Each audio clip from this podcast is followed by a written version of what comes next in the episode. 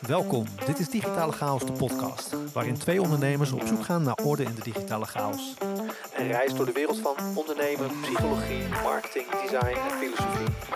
Luister mee en omarm de chaos. Hallo, daar zijn we weer. En dit is alweer de vierde shortcast, mijn tweede. En nou, leuk dat jullie er weer zijn. Um, superleuk om te zien. De cijfers zijn uh, best wel leuk op um, um, zowel de, de, de Spotify-versie, of noemen dat de, de audio-versie, als de video-versie. Ons YouTube-kanaal mag nog wel wat groeien, dus uh, ga vooral daar ook even kijken en, uh, en abonneer je. Maar daar gaan we deze natuurlijk ook weer delen. ja, een shortcast. Dus ik heb ongeveer een kwartiertje om jullie bezig te houden. En ik heb de vorige keer een introductie gedaan van wat is een business designer, wat doet hij zo'n beetje. En um, dat is natuurlijk iets waar ik mij uh, uh, mee bezig hou. En ik wil eigenlijk nu even stap voor stap in de volgende shortcast en deze um, een beetje door het werkproces heen lopen wat ik aan het maken ben rondom business design. En ik heb daaruit verschillende um, uh, bronnen um, uh, geput, maar ook een beetje aan het kijken van oké, hoe ziet een gemiddeld proces of een gemiddelde um, uh, business design aanpak eruit. Daarin hanteer ik ook wel weer de principes die ik in het verleden heb gedaan, dat ik een proces wat abstracter wil houden, zodat de inhoud natuurlijk altijd maatwerk kan blijven. Maar het is wel goed om een bepaalde structuur aan te kunnen houden. En vandaag wil ik beginnen bij het eerste onderdeel en dat is eigenlijk fr framen en um, framing eigenlijk. En dat is voor mij echt de start van een project. En ik denk dat het komt uit dingen die ik ook in het verleden vaak heb gezien en die je tegenwoordig heel veel ziet, ook in innovatietrajecten, in digitaliseringstrajecten, maar ook in creatieve processen. En um, dat heeft vaak te maken met, zijn we wel bezig met de juiste oplossing of zijn we al bezig met het juiste probleem of de juiste uitdaging. En daarom zeg ik eigenlijk van het, het, het framen is voor mij het begin. En um, ik zal even uitleggen wat het een beetje inhoudt. En ik ben eigenlijk een beetje met, een, met iets wat Einstein gezegd zou hebben. Uh, het is niet helemaal uh, opgeschreven of, uh, of, duidelijk, maar um, hij zei eigenlijk van als ik één uur had om de wereld te redden, dan zou ik 55 minuten besteden aan het definiëren van het probleem en vijf minuten aan het vinden van de juiste oplossing. Als de belangen groot zijn, kun je maar beter zeker zijn dat je energie gericht is op het oplossen van het juiste probleem. En ik vond het een hele mooie quote, want um, heb de vorige keer ook al een heel klein beetje toegelicht dat het tegenwoordig best wel een complexe wereld is. En best wel complexe omgevingen. Um, even los van het feit dat um, uh, elk elke tijd zijn uitdagingen heeft en misschien altijd wel complex of moeilijk heeft gevoeld, is er nu natuurlijk heel veel aan de hand. Crisissen, um, ook gewoon technologie wat je eigenlijk om de oren vliegt, uh, allerlei nieuwe dingen die ontstaan, nieuwe technologieën. AI is nu het bekendste voorbeeld natuurlijk van uh, deze week weer een uh, nieuwe release gekomen van een AI van Google, wat echt weer bizar ver gaat.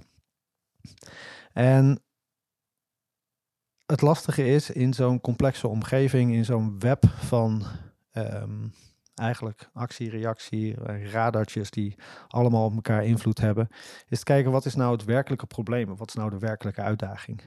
Maar het is natuurlijk zo essentieel bij het bedenken van een oplossing dat je ook bezig bent met het juiste probleem of met de juiste uitdaging. En daarom denk ik ook dat, um, daarom wil ik eigenlijk ook daar beginnen met mijn framework of met mijn proces. En ik werd een beetje getriggerd om, om daar te beginnen met uh, uit het boek Jobs to be Done. En ik was dat aan het luisteren, eigenlijk samenvatting aan het luisteren op Blinkist. Een hele toffe app. Wordt niet gesponsord overigens, maar wel een hele toffe app. Uh, het boek Jobs to be Done.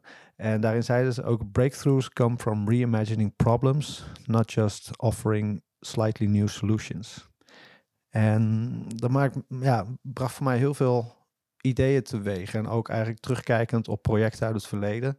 Waarin soms ja, wel eens hardop heb afgevraagd van zijn we hier wel de juiste oplossing aan het maken? Of uh, zijn we hier niet gewoon ja, net een iets andere oplossing aan het bedenken van iets wat er al is? En moeten we niet eens anders naar het probleem gaan kijken? En het woord framen heb ik nog wel even over getwijfeld. Want ehm, in het Engels is dat natuurlijk ook oplichten of je erin luizen of dat soort zaken. Maar ik was dat laatst eens aan het overdenken in een, uh, een auto. En ehm, toen bedacht ik me eigenlijk van, ja, het is eigenlijk ook best wel een goed, een goed woord. Want um, we worden soms ook stiekem opgelicht door ons eigen brein. En daar eigenlijk een beetje ingeluisterd door ons eigen brein. Um, we denken natuurlijk überhaupt in kaders en uh, hebben natuurlijk van allerlei kanten invloeden die op ons uh, inwerken. Het is ook logisch dat we af en toe ja, spreekwoordelijke oogkleppen hebben en uh, vastlopen in ons denken. En iedereen leeft vanuit zijn eigen referentiekader, heeft zijn eigen set aan leefregels, zienswijzes. En het is dan ook logisch dat het soms vastloopt of dat je soms ja, in een bepaalde richting uh, gaat denken en daar heel moeilijk uitkomt.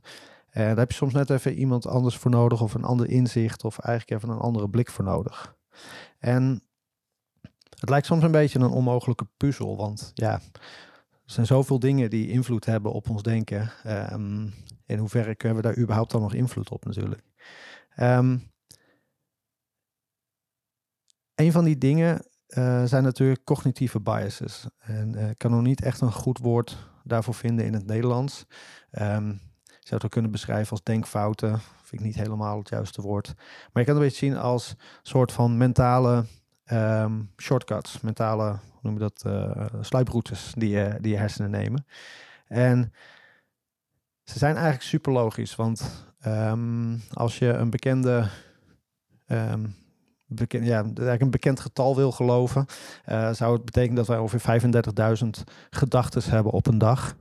En zou je die allemaal bewust moeten nemen? Nou, dan word je natuurlijk helemaal gillend gek. En dat is natuurlijk niet te doen. Dus onze hersenen hebben systeempjes bedacht en, en eigenlijk uh, korte, korte routes bedacht om je te helpen bij het nemen van beslissingen. En eigenlijk onbewust ook soms heel veel beslissingen natuurlijk gewoon te nemen. Um, en dat is heel fijn. Want ja, anders zouden we helemaal gek worden van alle beslissingen in ons hoofd. Maar het kan ook leiden tot hele akelige denkfouten. Um, om even een voorbeeldje erbij te geven, de hele bekende is de confirmation bias. En um, de, de, Nederlandse vertaling die ik voorgeschoteld kreeg was het bevestigingsvooroordeel. Mooi scrabblewoord. Uh, maar um, uh, het is vooral de neiging om bijvoorbeeld informatie te zoeken en te interpreteren of te onthouden die jouw bestaande overtuigingen bevestigen. Eigenlijk ben je dus onbewust of bewust op zoek naar informatie die jouw overtuiging, jouw wereldbeeld of jouw um, um, um, mening zeg maar bijstaan. En het gaat zelfs zo erg dat je door dat systeem soms ook informatie negeert of zelfs minimaliseert die dat tegenspreekt. En een groot voordeel, voorbeeld daarvan is natuurlijk de social media algoritmes.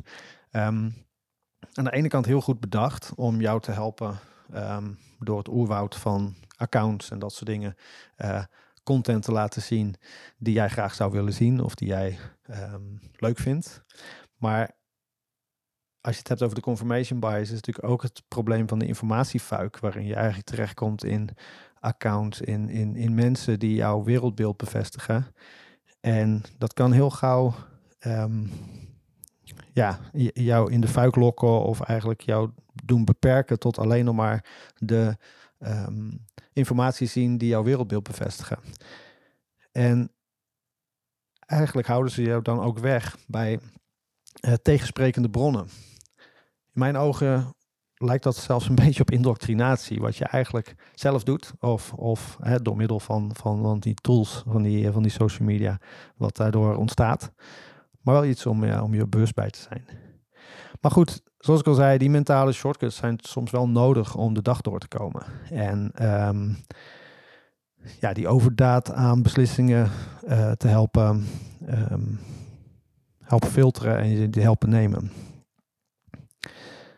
En een klein beetje context waarom ik het zo belangrijk vind om hier te starten. Omdat um, bij een project, bij een digitaliseringstraject of een innovatietraject of wat dan ook, is het gewoon heel erg belangrijk om goed stil te staan bij welke context speelt dit zich af. Welke uh, dienstverlening, welke uh, klanten hebben hiermee te maken? Wat is nou het daadwerkelijke probleem wat hieronder ligt? Wat is de issue? Maar ook welke plek heeft het in het grotere systeem van een organisatie? En um, de substappen die dus ook binnen dat framing valt, wat mij betreft, zijn dingen als bijvoorbeeld een contextanalyse.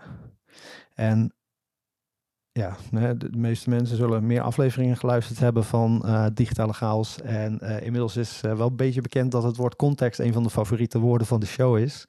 En daardoor, ja, het is ook gewoon echt ontzettend belangrijk om dingen in context te bekijken. Je moet altijd een beetje denken aan de belangrijkste les die ik zelf als UX-designer ooit heb geleerd. En dat was um, hoe belangrijk het is om te vergeten wat je in een vorig project hebt geleerd uh, en altijd nieuwsgierig te blijven in een nieuw project. Want zelfs al onderzoek je dezelfde doelgroep. Uh, stel bijvoorbeeld, je maakt een app voor mensen tussen de 65 en de, en de 85 in de zorg. En je denkt, oh, dat is mooi. Ik heb net een project gedaan waarin ik die, die doelgroep helemaal heb onderzocht.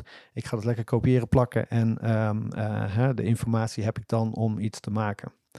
Maar in de context van een andere organisatie, in misschien een ander onderdeel van de zorg, Um, misschien is de tijd wel weer veranderd. Um, hè, denk bijvoorbeeld aan het plotselinge van een coronacrisis, wat ineens ja, een hele context omver kan gooien.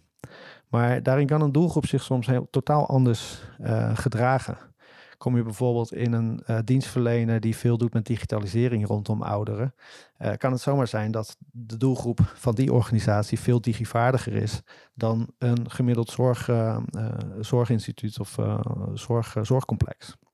Dus um, dat zijn dingen om gewoon goed rekening mee te houden als je een project ingaat. En dat is dus ook um, het actief testen van de eigen aannames die je hebt gedaan. En uh, dan kom je een beetje in de, in de volgende stap waarin ik zeg van wat is nou de daadwerkelijke issue? Maar dat betekent soms ook even de probleemstelling die je geschreven hebt of die je gemaakt hebt, of het probleem waar je tegenaan loopt op dat moment. Gewoon eens te toetsen op de aannames die erin zitten. Want als mens kom je er bijna niet onderuit dat je aannames doet.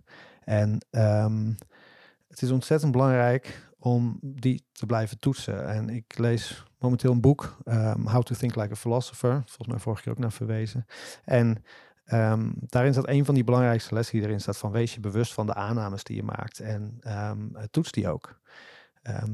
soms zijn hele voor de hand liggende dingen puur gebaseerd op een aanname. En om daar eens goed naar te kijken en te kijken van oké, wat ligt hieronder? Misschien is een paar keer die waarom-vraag te stellen. Van oké, waarom, waarom vinden we dit eigenlijk? Of waarom doen we dit eigenlijk? een, een, mooie aanname die ik uh, in het verleden regelmatig heb gezien was... Um, ja, dit project proberen wij al jaren, of deze oplossing proberen we al jaren te maken. En um, we hebben dat al een keer gedaan en het werkt niet, dus werkt het nu ook niet. Maar ja, misschien zit je in een nieuwe tijd waarin het wel werkt, of met een andere insteek, of um, kan je het um, met de juiste mensen of ineens de juiste um, context wel voor elkaar krijgen. Um, het is heel belangrijk om goed te kijken, oké, wat zijn dan die, uh, wat is dan echt die werkelijke issue? Dus wat, wat zit daaronder? En werken we nog aan de juiste oplossing probleemfit? Soms is dat heel moeilijk, want als je heel veel tijd al in een project hebt zitten, of al heel veel tijd, energie of geld in een uh, project hebt zitten, en je komt er daardoor ineens achter van, hey, misschien zijn we helemaal niet op de goede weg. Dan is het natuurlijk heel eng, want je hebt daar een hoop tijd en energie in gestoken. Maar daar moet je ineens afscheid van nemen, een soort desinvestering, zeg maar. En dat kan natuurlijk heel moeilijk zijn. Dus um, ben me zeker bewust van het feit dat het niet echt zo 1, 2, 3 eventjes gedaan is. Maar um, ja, het is soms belangrijk om daarbij stil te staan in plaats van maar door te blijven gaan met een oplossing die uiteindelijk helemaal niet blijkt te werken. Of hè, dat je later, uh, later vast gaat lopen. Um, als laatste is het ook nog heel belangrijk om te kijken naar de relevantie. Dus ook te kijken van oké, hoe zit een project of een, nieuwe innovatie of een nieuw uh, product in het geheel van een organisatie, dus in, de, in, de, in het grotere systeem. Um, ook goed om te kijken naar de context en de tijd. Van oké, is het iets wat nu nog relevant is, of het relevant blijft, of waar we de komende jaren, of uh, wat, voor, wat voor tijdlijn je daarin ook hebt, uh, relevant uh, blijft. Um, en dan kan je soms maar beter bijsturen of het roer omgooien dan nog verder oplopende kosten um, te, te, hebben. En eigenlijk met al die informatie, de laatste stap in het framen is dan daadwerkelijk het framen of reframen van de vraag. En dat betekent ook gewoon het aanscherpen van die uitdaging en het herframen van een uitdaging. En te kijken van oké, hoe kunnen we ehm, misschien met een andere insteek toch um, het doel bereiken wat je hebt of um, uh, aan de slag gaan. En dit wordt dan de voeding voor het iteratieve proces wat erna komt. al met al zijn de dingen denk ik, waar je ook als ondernemer altijd wel tegenaan kan lopen. Zaken als um, die oogkleppen die je hebt, de, um, um, de, de, de, aannames die je soms doet. En hoe belangrijk het kan zijn om stil te staan bij bepaalde aannames of bepaalde problemen die we denken op te lossen. En daar gewoon dus ook de goede vragen bij te stellen. voor mij blijft het kernwoord altijd nieuwsgierigheid. Dus blijf nieuwsgierig naar je aannames, blijf nieuwsgierig naar eh, waar komt dit vandaan? Waarom heb ik dit zo bedacht? Ehm, wat, wat ligt daaronder? Uh, die waarom-vraag te stellen. Ik denk dat het in elke situatie super belangrijk is. Ik hoop dat jullie hier wat aan hebben gehad. Um, het kwartiertje is er weer voorbij. Het vliegt voorbij. En um, nou ja, natuurlijk komen er nog hele toffe afleveringen aan van de, de podcast en natuurlijk de shorts van, van Christian. Dus luister die vooral terug. En ja, tot de volgende keer. Dankjewel.